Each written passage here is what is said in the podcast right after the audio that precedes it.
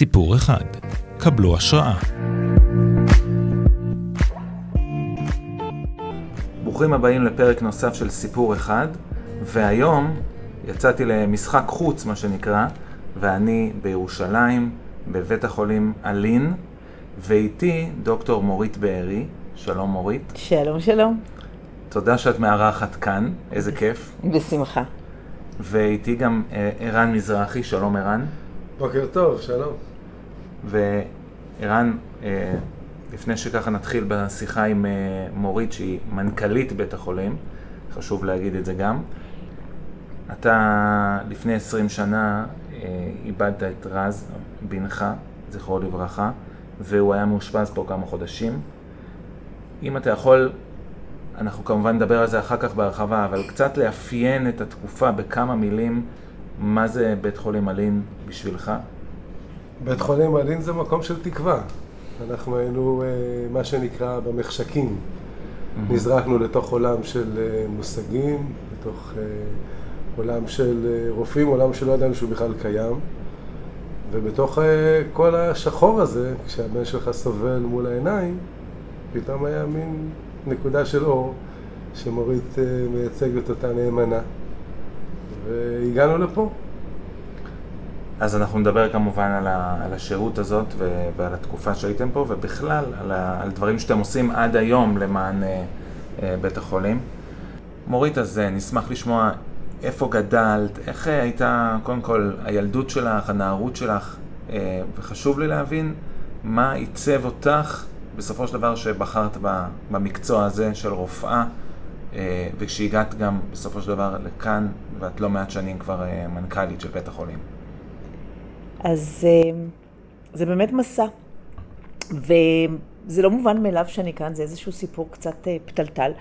אני גדלתי בירושלים.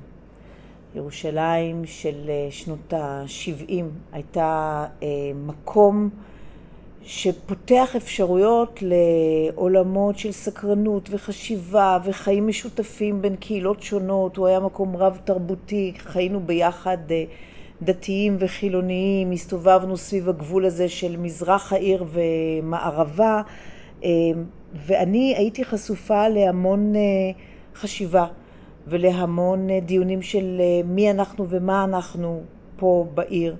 ואני חשבתי תמיד שאני אגדל להיות אה, עוסקת במשהו שקשור ברוח, בספרות. הכי רחוק שהלכתי לפרקטיקה זה לחשוב על אה, משפטים. אה, הייתי מאוד מודעת פוליטית מאוד מגיל צעיר, מאוד מעורבת בכל מיני דברים. והיה לי ברור שזה הכיוון שלי. אין לי ולא היה לי אף אחד שקשור לרפואה, כלומר, כיום יש לי במשפחה, אבל לא גדלתי במשפחה של רופאים. אה, לא הייתי עסוקה בזה. ומה ההורים שלך עסקו? אימא שלי אה, הייתה גננת כל חייה, אבי היה אה, פרופסור למדעי המדינה, היה עסוק במזרח אירופה. הדיונים בבית היו דיונים ברמה של הומניזם בינלאומי, היינו חילונים בהכרה מוחלטת. אה, אבל הציונות והשייכות לארץ היו מאוד מאוד ברורות. אני באה ממשפחה עם שורשים אה, עמוקים בתנועה הציונית והקשר שלנו לפה היה מאוד ברור אה, וזה היה הכיוון. סיימתי בית ספר לא באחד הבתי הספר המפוארים שיש בעיר הזו. יצאתי לדרך לצבא ובצבא נפגשתי בשני עולמות שונים. אחד, קודם כל, נפגשתי בעולם הטכנולוגיה. שעד אותו רגע היה זר לי לחלוטין. פעם ראשונה אני זוכרת את הישיבה ליד מקלדת של מחשב אה, ביחידה בצבא. אה, ואני אה, זוכרת את העולם הזה שנפתח עליי, שיש עוד קיומים ומסגרות אחרות. דבר שני שנפתחתי אליו בצבא זה שפגשתי את רונן. Mm-hmm. ורונן היה המפקד הקודם של היחידה שהייתי בה, והוא היה סטודנט לרפואה. ואחרי שגמרתי להנדס את העולם ככה שהחיילת החפ"שית תצליח לצאת עם המפקד בלי לעבור על חוקי הפורמט, אז uh, uh, ראיתי את העולם דרך העיניים שלו והבנתי שיש גם את העולם של הרפואה, וכדרכן של נערות מאוהבות, uh, רציתי ללכת בעקבותיו. אז כשהגעתי לאוניברסיטה, רשמתי במקום הראשון משפטים, במקום השני הנדסה כימית, שזה אהבה אחרת שלי, במקום השלישי רפואה. ואז הגעתי לראיון בבית הספר לרפואה בהדסה, והודיעו לי שהם אה, לא בטוחים שהם רוצים לקבל אותי. וזה הרגיז אותי. אז התעקשתי. מאיזה טעמים הם לא רוצים לקבל הם לא היו אותך? בטוחים שאני מחויבת לנושא, כי אמרתי להם, אני לא יודעת, אני לא בטוחה. יכול להיות שאני אלמד ואני אגלה אחרי כמה שנים שזה לא התחום שלי. אז הם לא היו בטוחים שהם רוצים לקבל מישהי שלא סגורה על עצמה. כן, אז הזמינו אותי לראיון חוזר. אוקיי. אז אמרתי להם שכל חיי חלמתי להיות רופאה, ושמגיל שלוש אני משחקת עם סטטוסקופים, כי הם לא יקבעו בשבילי. התקבלתי לבית ספר רפואה, למדתי רפואה, וככה הגעתי להיות רופאה. מה ההתמחות שלך? אני מומחית ברפואת ילדים. וכחלק מההתמחות ברפואת ילדים שלחו אותי בזמנו לעשות מספר חודשים התנסות בבית החולים אלין.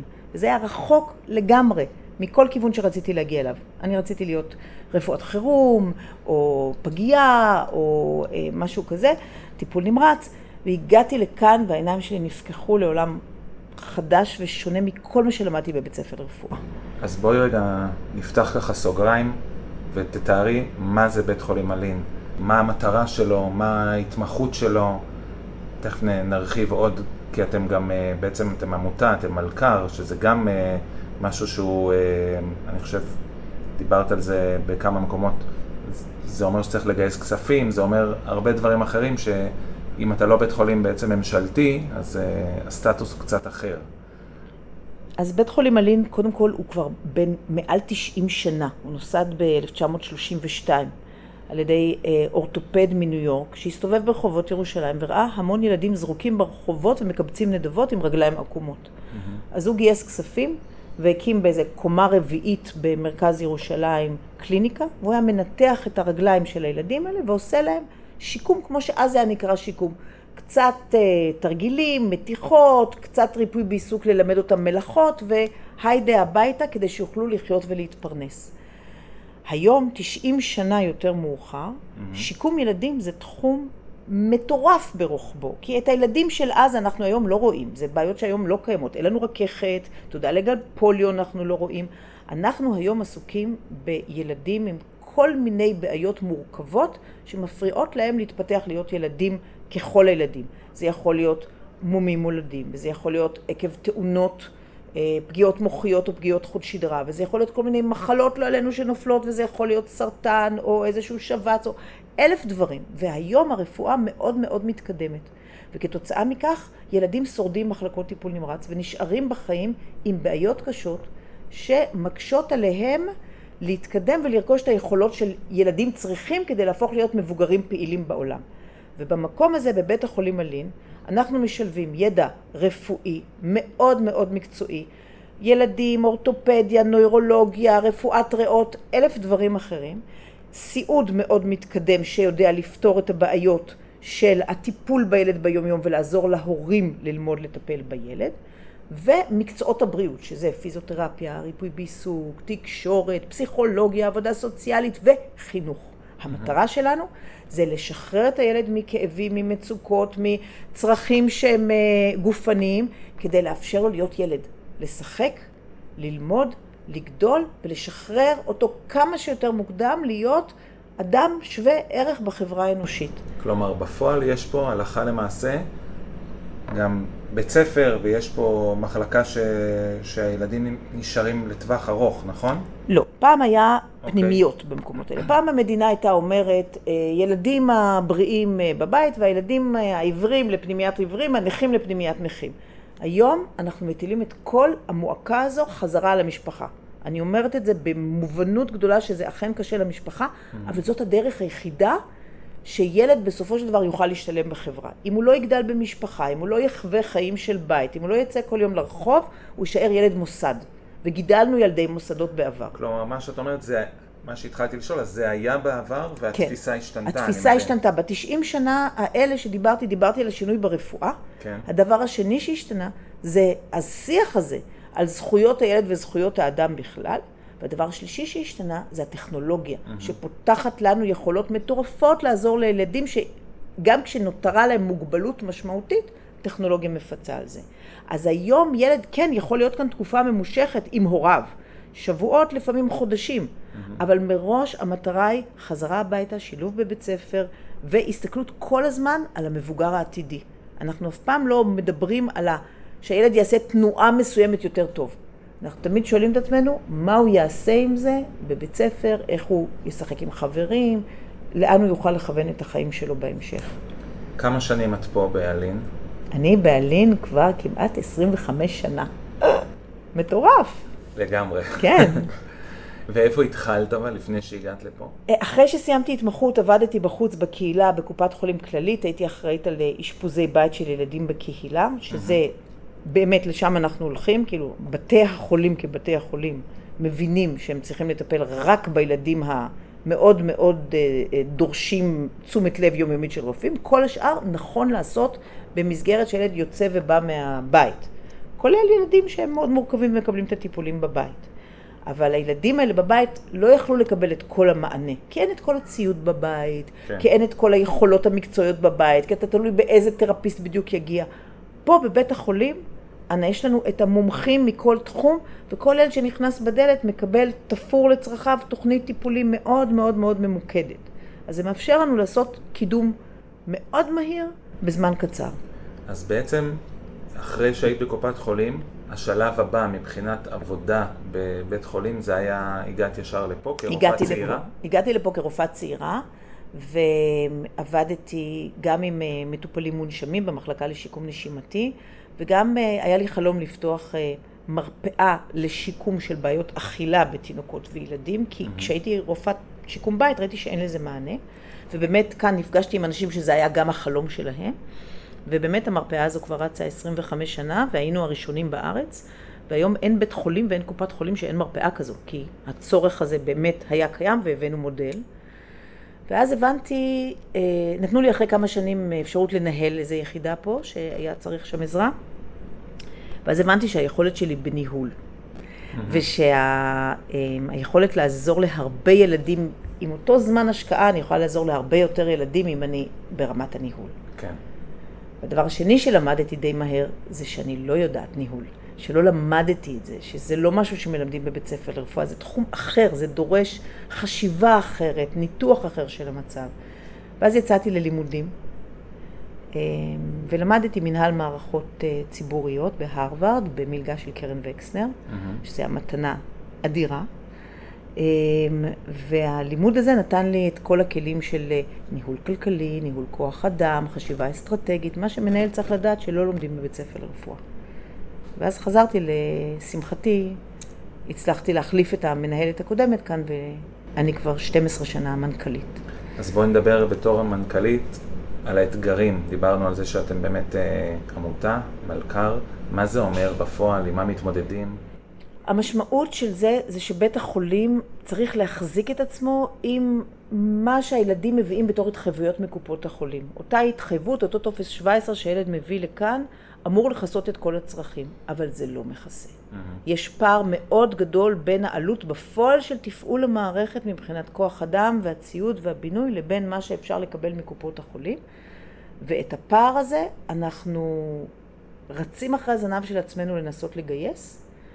לשמחתנו ילדים זה משהו שפותח לב ועוזר לנו בכך שהילדים הם באמת מקסימים ומעוררי השראה, אבל זה לא תקין, באמת שזה לא תקין שאנחנו צריכים לחזר על הפתחים ולקבל טובות מאנשים טובים כדי לתת לילדים את מה שבאמת מגיע להם, כדי לחסוך למדינת ישראל את הטיפול באנשים נכים בתור מבוגרים. שאנחנו הופכים אותם לאנשים פעילים ויעילים בחברה, החברה הייתה צריכה לשלם לנו בשביל זה. כן. לא רק לטובת הילד. אנחנו עושים כאן שירות גדול.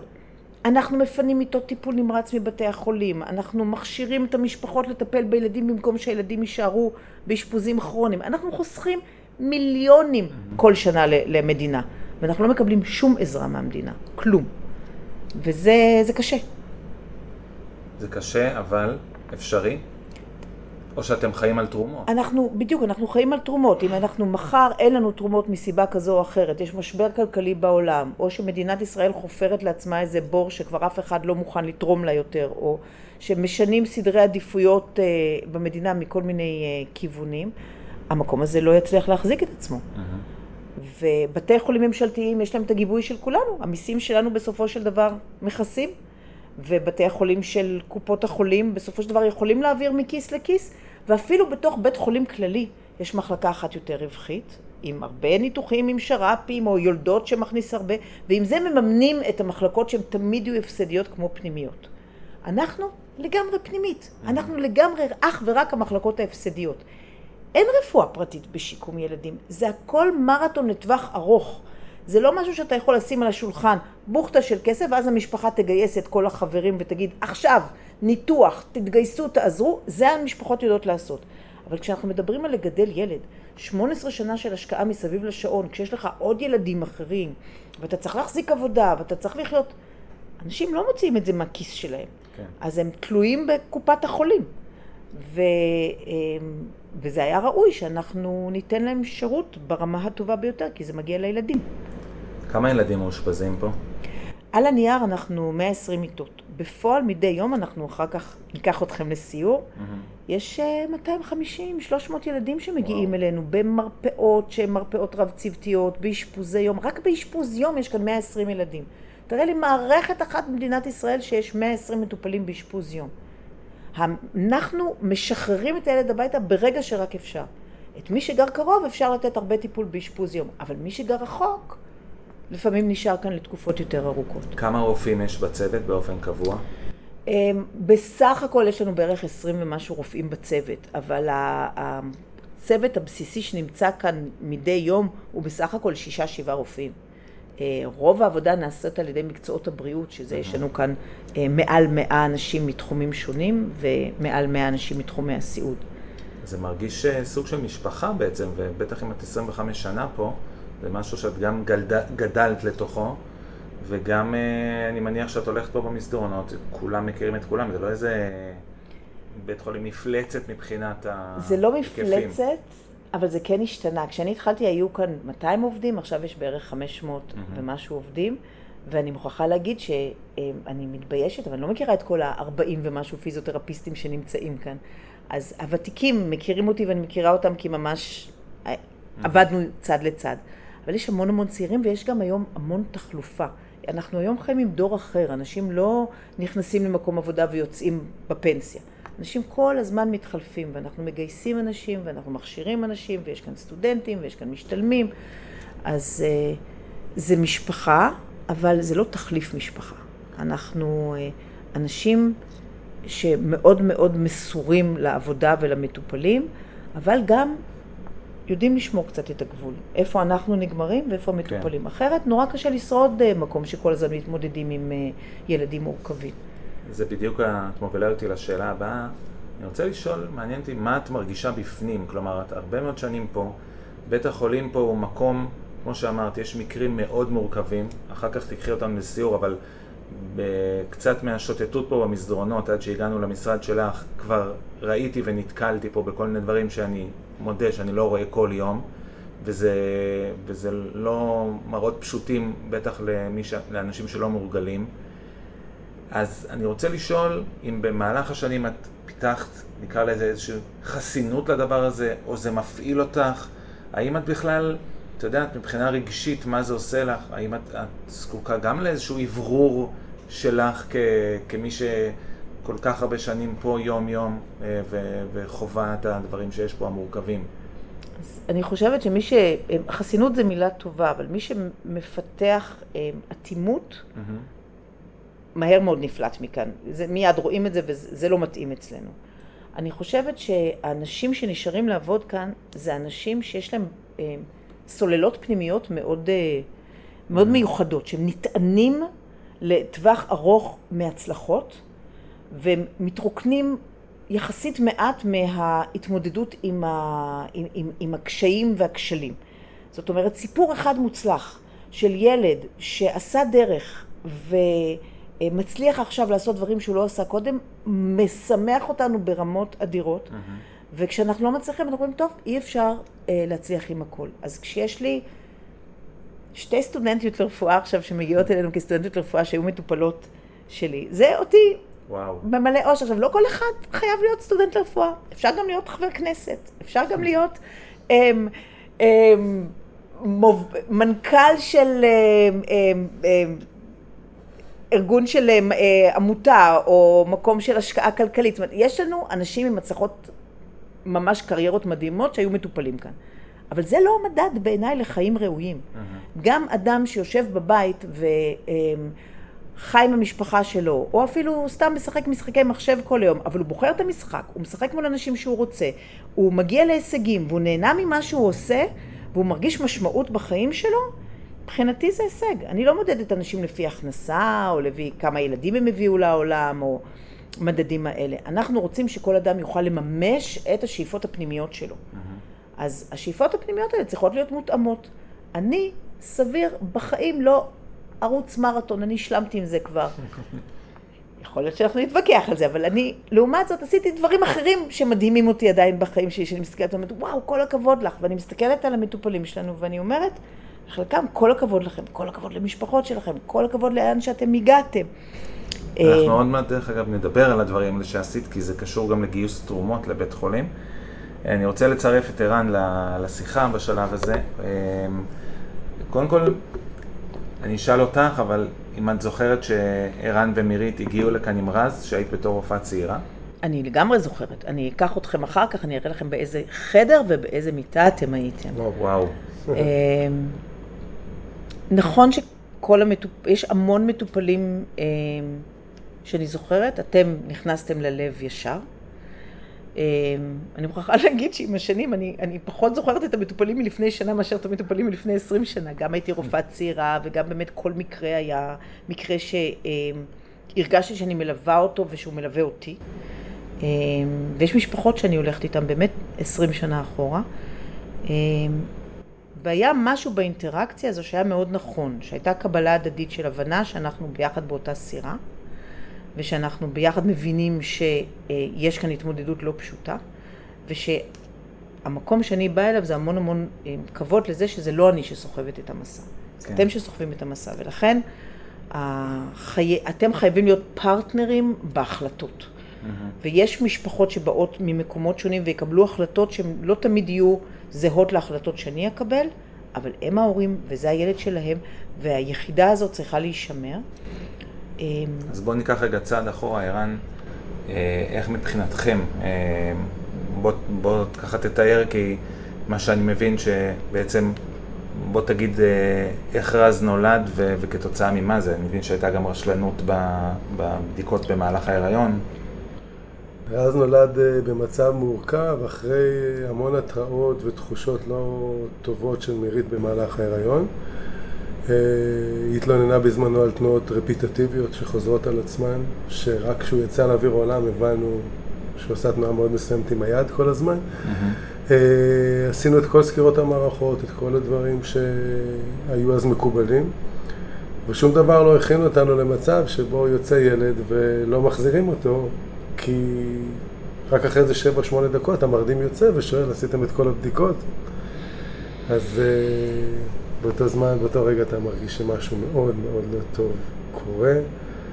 ו... הלידה, הלידה הייתה לידה רגילה בעצם? לידה קיסרית, אה, קיסרית מוזמנת, לפי תאריך והכל, אבל כל הפחדים כולם התממשו באותו רגע. בסיטואציה שבה אשתך עקודה אחרי לידה mm-hmm. ולא מחזירים את הילד. אחרי זה לוקחים אותי לראות ואני לא כל כך מבין מה אני רואה.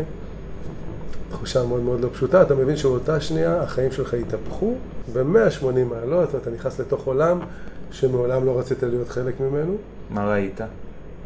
ראיתי ילד במצב מאוד מאוד לא פשוט, גם נולד במין מנח כזה, מאחר והיו לו אה, רגליים עם אה, ברכיים מנוונות, הוא לא יכול היה להפעיל את השרירים, הוא לא יכול היה לכווץ. ו... Mm-hmm. אז המנח שלו היה שלמעשה כפות הרגליים היו לכיוון הראש. כמו שאתה עושה מתיחות להמסטרינג שלך, mm-hmm. בצורה קבועה.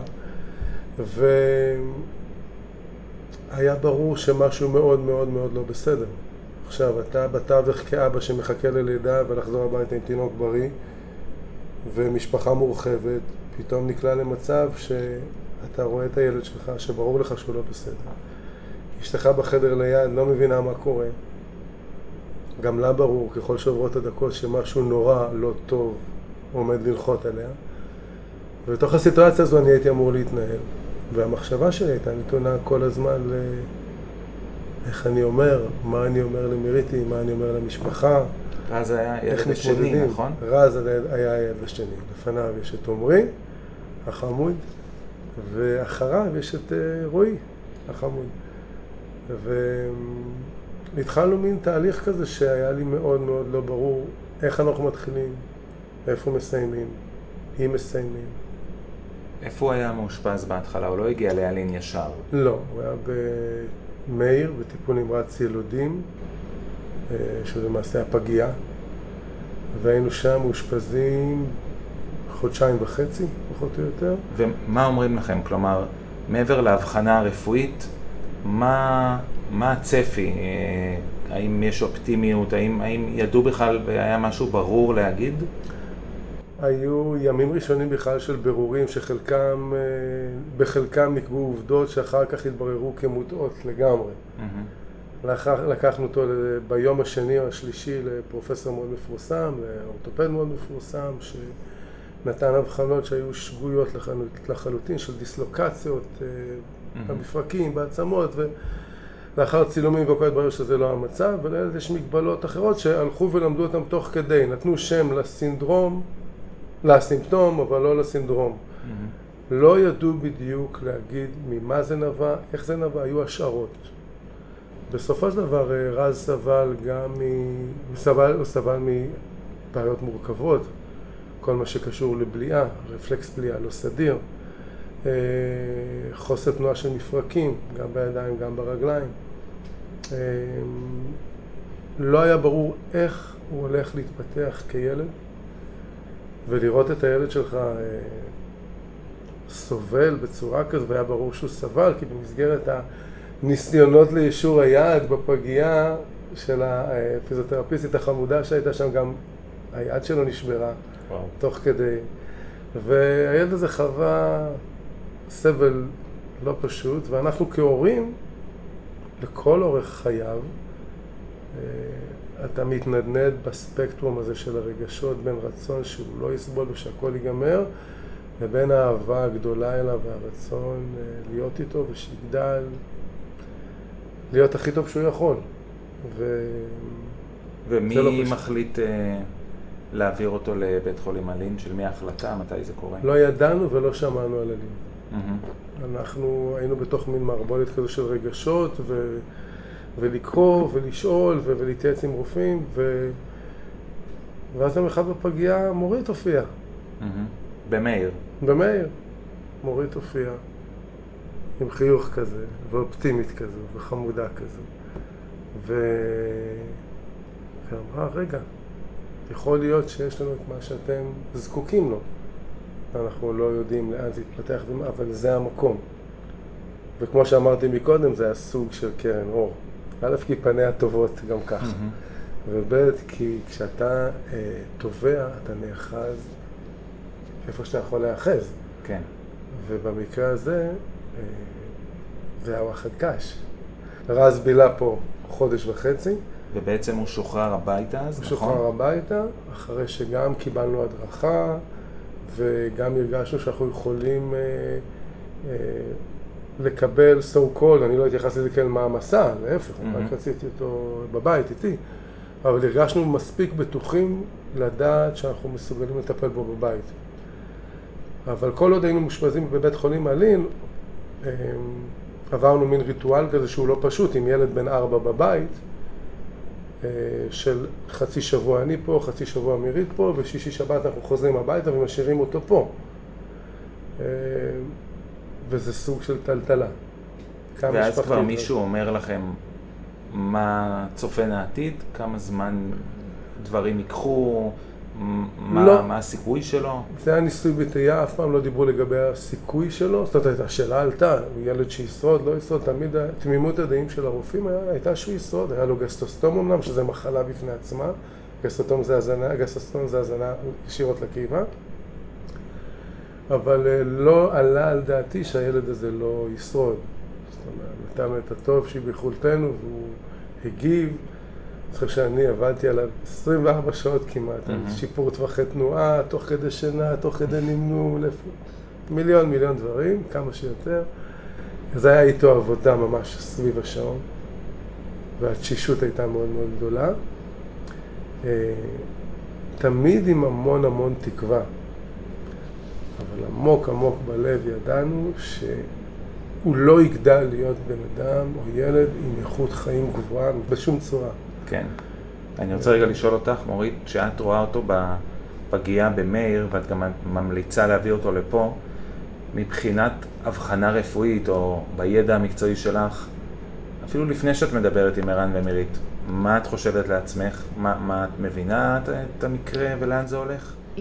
ילדים עם אה, מגבלה בתנועה של הגפיים מלידה, במיוחד במגבלה במפרקים בגיל, בגיל הצעיר, יש כל מיני תתי סוגים, וחלקם אה, הגדול, יש לו יכולת להתפתח מבחינה שכלית תקין או כמעט תקין, ולפעמים אפילו מבריק. Mm-hmm.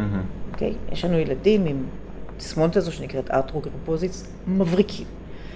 אז יש גם ילדים אחרים שזו בעיה יותר מורכבת, שזה נובע ממום ברמת אה, המוח, ובעיות בליעה באמת הן אופייניות גם כן. אז המטרה הראשונית היא בואו נוודא שהוא יגדל, שאנחנו נוכל לראות שיש כאן ילד, שיש אור בעיניים, שיש לנו כאן עם מי לדבר, ואחר כך עם המגבלה הפיזית נתמודד. Mm-hmm. יכול להיות שהוא לא ירוץ, יכול להיות שהוא יצטרך עזרה בניידות והכול, אבל מבחינתנו אפשר להגיע למצב של איכות חיים וצורת חיים, עם, כמו שאמרתי, עם משמעות ועם יכולת. ולכן באמת ההסתכלות מהראשונית, ואני מצאתי שאולי בכל הקריירה הרפואית שלי זה אחד הדברים הכי חזקים. המפגשים האלה עם משפחות, שאני מגיעה לפגיות, לטיפול נמרץ, בזמנו שהייתי עושה את זה, ומסתכלת להם בעיניים, ומתייחסת לילד כילד, זה אירוע מכונן. כי עד אותו רגע הצוותים משדרים להם אסון, משדרים בעיה, משדרים קטסטרופה, ואני לא, לא מתווכחת. כן. יש בעיה, יש קטסטרופה, יש... אבל המקום הזה באמת של לתת את ה... אה, אור ולהגיד, אוקיי, ועכשיו לאן הולכים? זה באמת המקום. זה גם ש... התפיסה שלך כמנכ"לית של בית חולים ומה שאת משדרת לצוותים פה? חד משמעית, חד משמעית. המטרה שלנו, וזה בחזון של בית החולים, זה לשפר את הקיים עד כמה שאפשר בכל רגע נתון. Mm-hmm. עכשיו, לפעמים באמת יש ילדים, זה לא היה המקרה, יש ילדים שאנחנו יודעים שטווח החיים שלהם לא ארוך. ואנחנו אומרים, אבל את החיים שיש להם, הם יעשו בצורה הכי טובה שיש. וכשהם ייפרדו, המשפחה תדע שהיא עשתה את הכי טוב בשביל הילד, וגם זו מטרה בשביל, בפני עצמה. אה, במקרה של רז, אני מודה ומתוודה שזה שהוא נפטר היה הלם. אני, לא צפינו את זה, ממש. Mm-hmm. הוא התווסף לאותה רשימה של ילדים שהצטערתי שלא יכולנו ללוות אותם לטווח אה, ארוך יותר ולראות אותם גדלים. ערן, איך זה היה מהכיוון שלכם בעצם? אה, כמו שמורית אומרת, זה, זה היה הפתעה. איך אתם קיבלתם את ההפתעה הזאת, במירכאות? קודם כל זה משהו שקשה מאוד לעכל. אה, הוא היה חודש איתנו בבית, ובמהלך השבועיים וחצי הראשונים הוא הצליח, אה, זאת אומרת, הכל היה בסדר.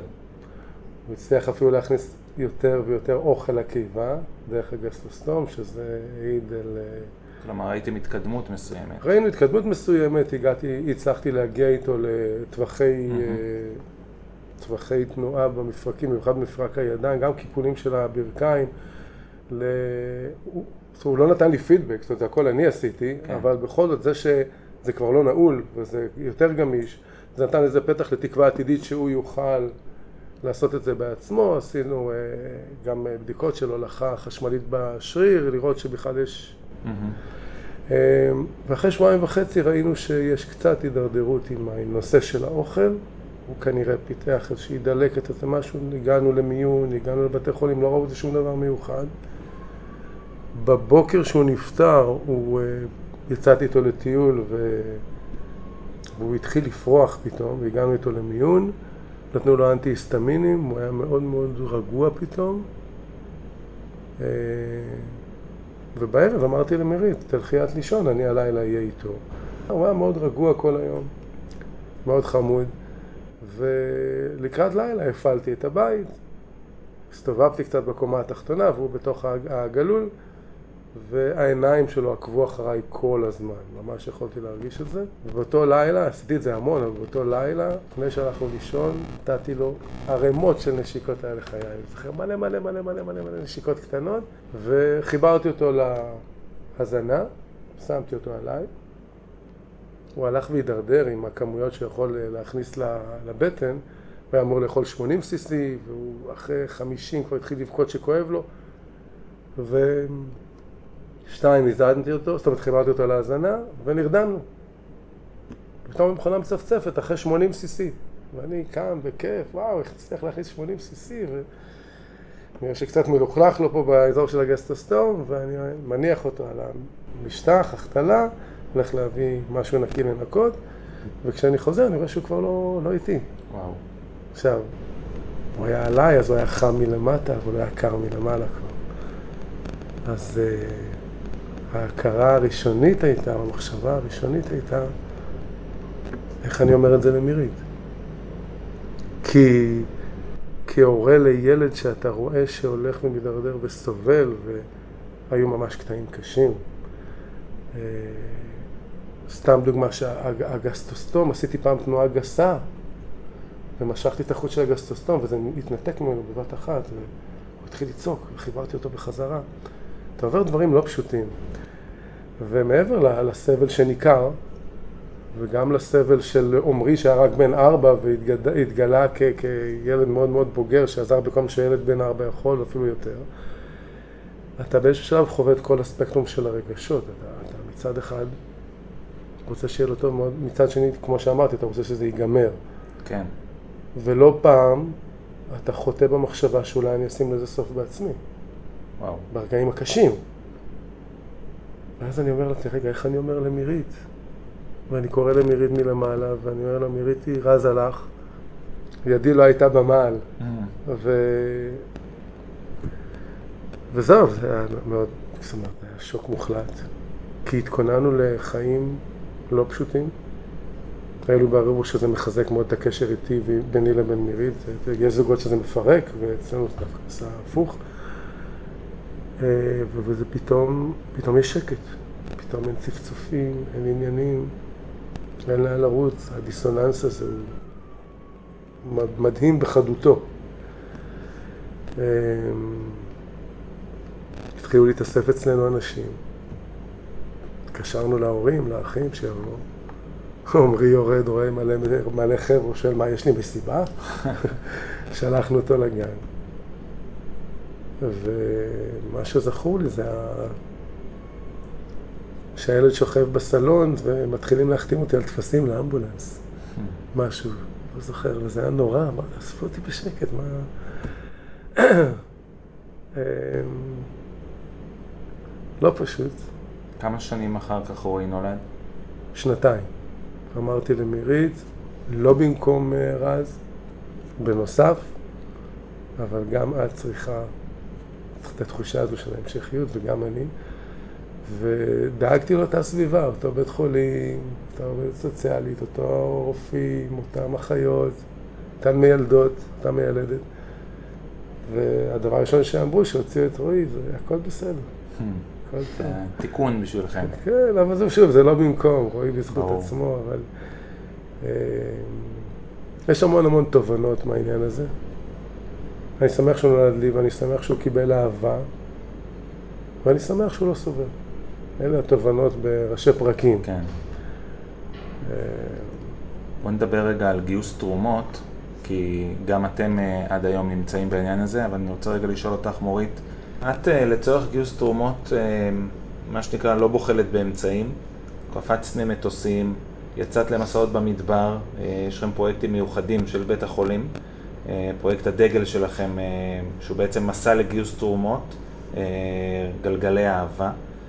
אני בטוח שזה כיף, ואמרת את זה, נגעת בזה גם, גם קודם, אבל, אז אני רוצה לשאול קודם כל, אם את יכולה לספר קצת על גלגלי אהבה, וגם האם אה, מנכ"לית בית החולים צריכה לקפוץ ממטוסים כדי שבית החולים ימשיך לפעול? המסע של גלגלי אהבה התחיל משלושה חבר'ה לפני כבר 24 אה, שנה עוד מעט, שהיה להם חל... שאהבו לרכב על אופניים, התחברו לבית החולים אלין, ולמעשה הם אמרו, בואו אנחנו נקים, נזמין חברים, וכל אחד שישתתף איתנו במסע יביא תרומה לבית החולים. וזה התחיל ככה ב... ברעיון שהוא כבר היה יותר מקובל בארצות הברית ופחות בארץ, שאנשים אה, לוקחים על עצמם איזושהי מטלה ומגייסים את הסביבה שלהם אה, לתמוך בהם כדי להגיע למטלה שלהם, תמורת זה שהם את כל הכסף שהם מגייסים יתרמו למטרה טובה. והמסע הזה היה גם uh, בתקופה שעוד לא היה מקובל כל כך רכיבת אופניים בארץ, ועוד לא היו שבילי סינגלים בכל מקום, ולא היו מועדונים של רכיבת אופניים, ואנשים שרצו לרכב על אופניים התחברו לרעיון הזה.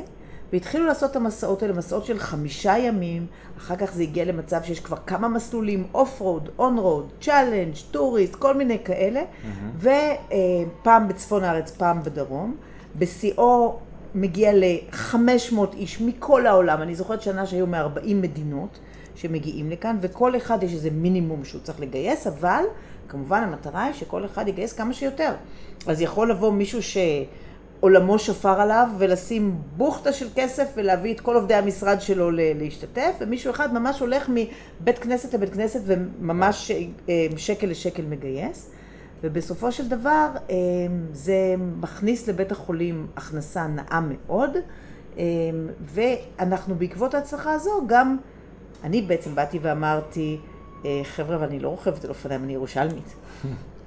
אז אני נורא אוהבת לטייל ברגל. אז יש לנו את ה-wheels of love, הגלגלי האהבה, בואו נעשה את ה-heels of love, שזה העקבים של האהבה. והתחלנו מסעות בהרי אילת, עכשיו באמת, היופי של הרי אילת שלנו, באמת מכל העולם, זה ראוי לבוא ו- ולראות, אז גם התחלנו את המסעות האלה, ובעקבות זה התחילו עוד רעיונות. עכשיו, הצניחה ממטוסים זה רק רעיון אחד, שבואו נעשה קבוצה שתצנח ממטוס, ובואו ת... הבן זוג שלי הציע לי לעשות fundraiser אה, שאומר, אני, אני אגייס כסף כדי שלא תקפצי מהמטוס. אז אה, זה כל מטרה, כל רעיון, כל דבר שאפשר, זה לטובת הרעיון, כי אנחנו צריכים להתחבר למוטיבציה של אנשים לתרום. עכשיו, אנשים רוצים לעשות טוב עם החיים שלהם, אבל הם גם רוצים להרגיש את זה בגוף, בחיים, לתת כסף זה כאילו קר, קל, אבל זה גם קר. כן. וכשאנשים מעורבים, ובגלל זה אנשים במדינת ישראל מתנדבים בהמון דברים, הם באמת מרגישים שהם נותנים מעצמם. אז זה שילוב של נתינה מעצמך, ביחד עם הכסף, שזה מה שאנחנו צריכים באמת כן. אה, בפועל. אה, ובזכות זה יש לנו הרבה מודעות והרבה חברים. והחברים האלה מביאים את החברים שלהם. וכשהדודה הזקנה במיאמי נפטרת ומחפשת לאן להשאיר את הכסף שלה, אז כאילו, זה הרבה מעבר לעצם הרכיבה. כן. זה היכרות עם עולם רחב של אנשים שלמזלם לא היו נזקקים לאלים. אבל יש לנו כבר סיפורים מאוד מרגשים, אנשים שקודם היו רוכבים במסע ופתאום מצאו את עצמם הורים לילדים פה בבית החולים. ולהפך, ילדים שעברו כאן את השיקום, ויצרנו קבוצה של ילדים שמשתתפים בעצמם במסע ומגייסים בעצמם תרומות. הם למדו לרכב על אופניים לפעמים עם כל מיני התאמות, אנחנו קוראים להם המהירים והאמיצים. Mm-hmm. הם כבר כמה שנים רוכבים איתנו. וזה חלק מלגדל את הילדים לשותפות. ובמדינת ישראל שותפות זה גם לתת לאחר. לא בכל מדינה זה ככה. אבל אנחנו מגדלים אנשים שהם אה, צריכים להיות מעורבים חברתית.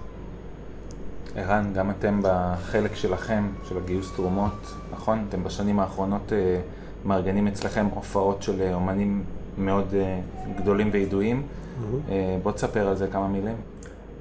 אז זה התחיל מזה שכבר כמה וכמה שנים חשבתי וכחכתי בדעתי להשתתף ולהצטרף לגלגלי אהבה. Mm-hmm. ואיכשהו היה לי תמיד את המעצור הזה של uh, להגיע, מעצור מנטלי. כן. ואז הגיעה תקופת הקורונה, וקראתי uh, כתבה על אומן מאוד מוביל, זמר, שקצת קשה לו בזמן האחרון. ואמרתי, אה, מה יותר טוב מאשר להביא אותו להופעה אצלנו בחצר, אנחנו גרים במושב ויש לנו משק עם חצר רחבה, להביא אותו למושב, הוא ימצא פרנסה. כל הכסף שייכנס ממכירת הכרטיסים ילך לבית החולים אלין, שם תהיה התרומה שלנו. לא מדובר בעשרות אלפים, אבל הוא יקבל פרנסה, בית החולים יקבל איזושהי תרומה, אנחנו נקבל את התחושה שאנחנו גם עוזרים, גם תורמים, גם משמרים, גם מכניסים למעגל הזה של המודעות כן, המון המון אנשים שבאים להופעות, ואנשים פתאום, אנשים שלא ידעו מה זה אלים, כן. פתאום מדברים על זה, שואלים, מתעניינים, וזה מה, זה יוצר מצב של win-win situation. מעבר גם להיבט הקהילתי, שאנחנו, כל המושב מגיע וחברים מגיעים, זה הופך להיות משהו בשיח. שבועות אחרי כל הופעה כזו מדברים, אנשים אומרים, כן, נכנסתי, ראי, נכנסתי לאתר של אלין וראיתי ובדקתי, מעבירים פה ושם תרומות צנועות כאלה ואחרות. זאת אומרת, יש כבר דיבור. ואם זה עוזר לילד אחד פה, לכמה ילדים, אם זה עוזר למורית לגייס עוד, אם זה עוזר לחבר'ה האלה ששרים להתפרנס, ואז זכינו. את מי אירחת בחצר כבר? זה התחיל עם אה, אריק סיני, שנתן הופעה לפנתיאון. אה, דרך אגב, לפני שאנחנו מדברים על ההופעות, מירית אשתי הייתה זמרת בעברה. הייתה זמרת של להקה שנקראת שפיות זמנית, היא שרה את הקיץ האחרון. היא לא מופיעה כבר המון המון שנים, ואני מופיע במקומה. כי אני מתעקש לעלות ולשיר עם כל זמר, והשירים שאני שר עם כל זמר זה תמיד שירים, ברוב המקרים שאני שרתי לרז או לילדים שלי. וואו. זה העניין. אז אריק סיני התחיל, ושנה לאחריו נורית גלרון, אז הייתה איזושהי הפוגה בקורונה, כבר הצלחנו להביא הרבה יותר אנשים. לפני שנה הופיע קורין אלעל, והשנה דיוויד ברוזה. והשנה התקשרתי למורית, סקרנתי אותה בוואטסאפ. היא שואלת אותי, זה בנושא מקצועי? אמרתי, לא, סקרנת, תתקשר. התקשרתי ודיברנו, והיא הסכימה לבוא ולהיות... אז כמי שהיה בהופעה הזאת של דיוויד ברוזה, שהייתה גם מעולה וגם אתה עלית לשיר איתו, את, את השיר לאן נעלמו הילדים, והיה מרגש מאוד בפני עצמו, זה היה ביצוע מצמרר. ממש. ו... ומורית שעלתה ודיברה, ודיברה לפני ההופעה, וזה היה יום אחד בקיץ שפתאום ירד גשם,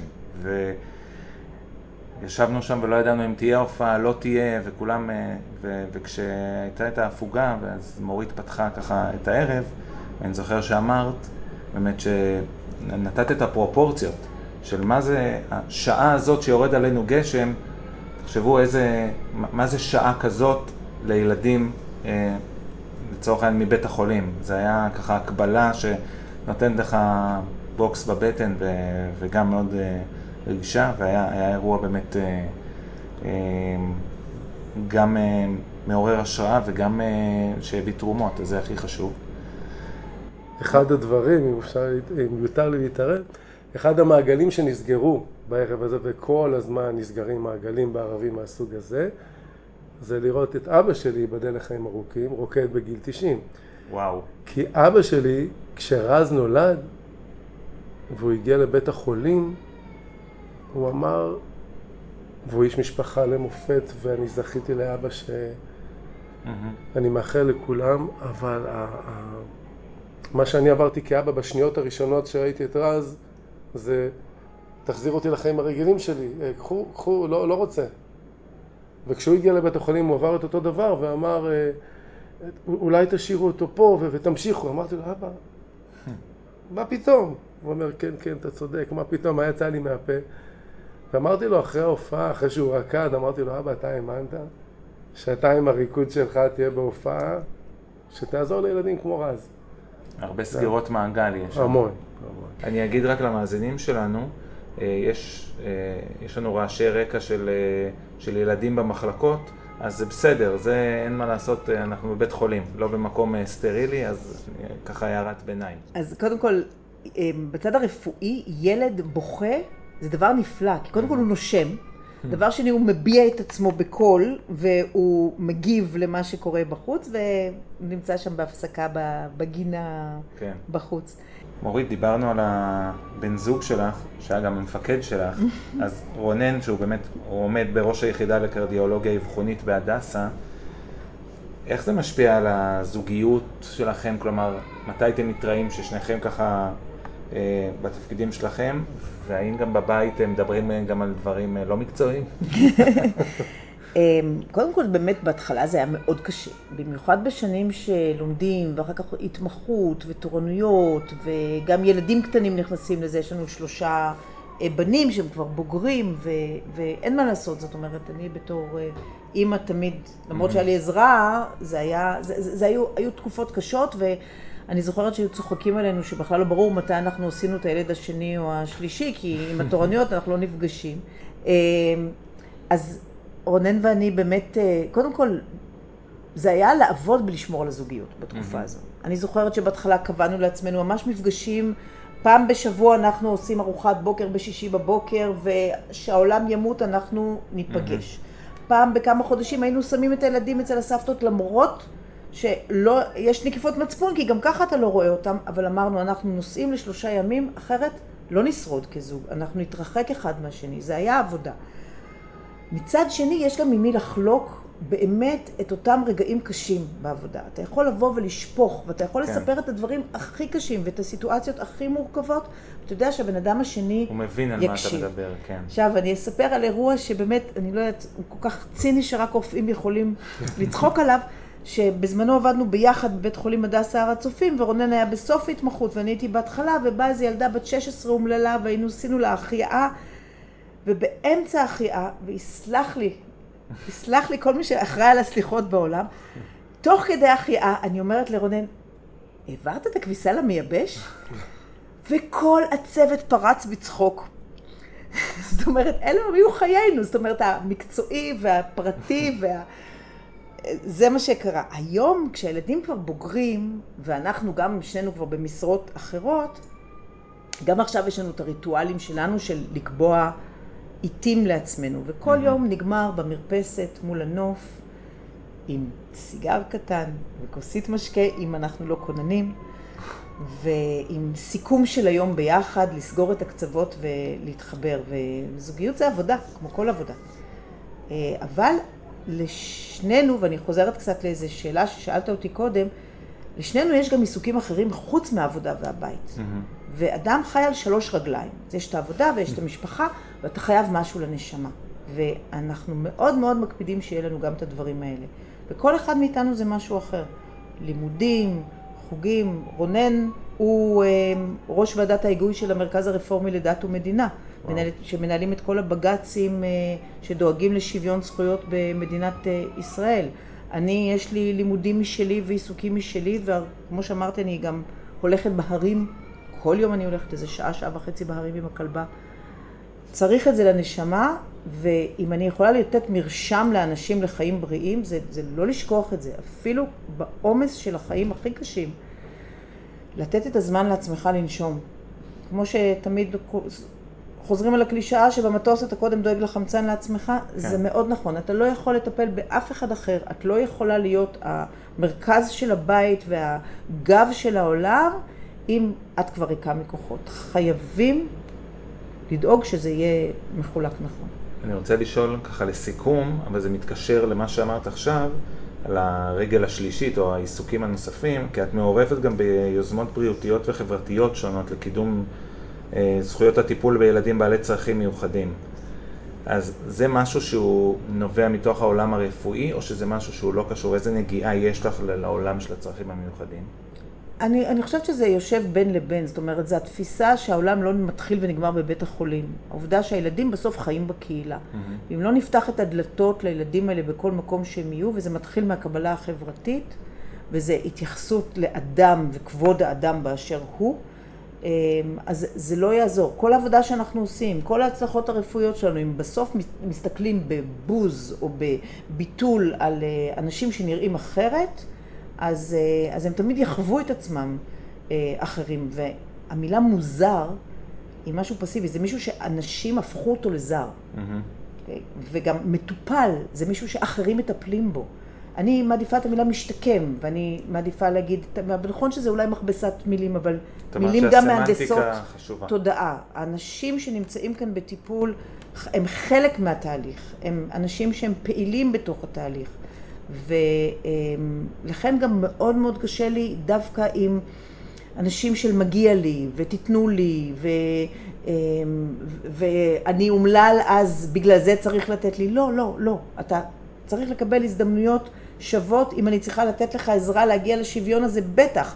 אבל חביבי, או חביבתי, אנחנו ביחד בעגלה הזו. כולנו כאן על פני כדור הארץ. כל אחד מאיתנו יש לו את החיים שלו לחיות. בואו נעשה לכולנו עולם יותר טוב. אה, וזה בכביש, בשיח הציבורי, זה מטורף מה שקורה כאן. זה לא, אף פעם לא ייגמר בתחום אחד. הדיבור הלא מכבד, ההתייחסות הלא נאותה, היא זולגת מתחום לתחום. ועד שאנחנו לא נרגיש את עצמנו שאנחנו עם צניעות, mm-hmm. לא דבר שהמקצוע שלי מצ... מ... מאוד מצטיין בו, אז uh, נמשיך להתייחס אחד לשני בצורך להקטין את האחר כדי להגדיל את עצמך. אז uh, כל המעורבויות שלי הן באות מהמקום הזה. לנסות להגיד, אני אולי מנצלת את מעמדי ואת התואר שלי ואת הכל, אבל המטרה בסוף זה להיות uh, המוביל לאנשים שלא יכולים להתהדר בכל מיני נוצות כאלה. ערן מזרחי, דוקטור מורית בארי, מנכ"לית בית החולים אלין, תודה רבה לשניכם על שיחה מרתקת ומרגשת, שמחנו להתארח פה. ומה מאחלים במצב שכזה? בריאות. זה בטוח. ודמוקרטיה. יפה אמרת ויפה דרשת. תודה רבה לשניכם. תודה, תודה לכם. לך.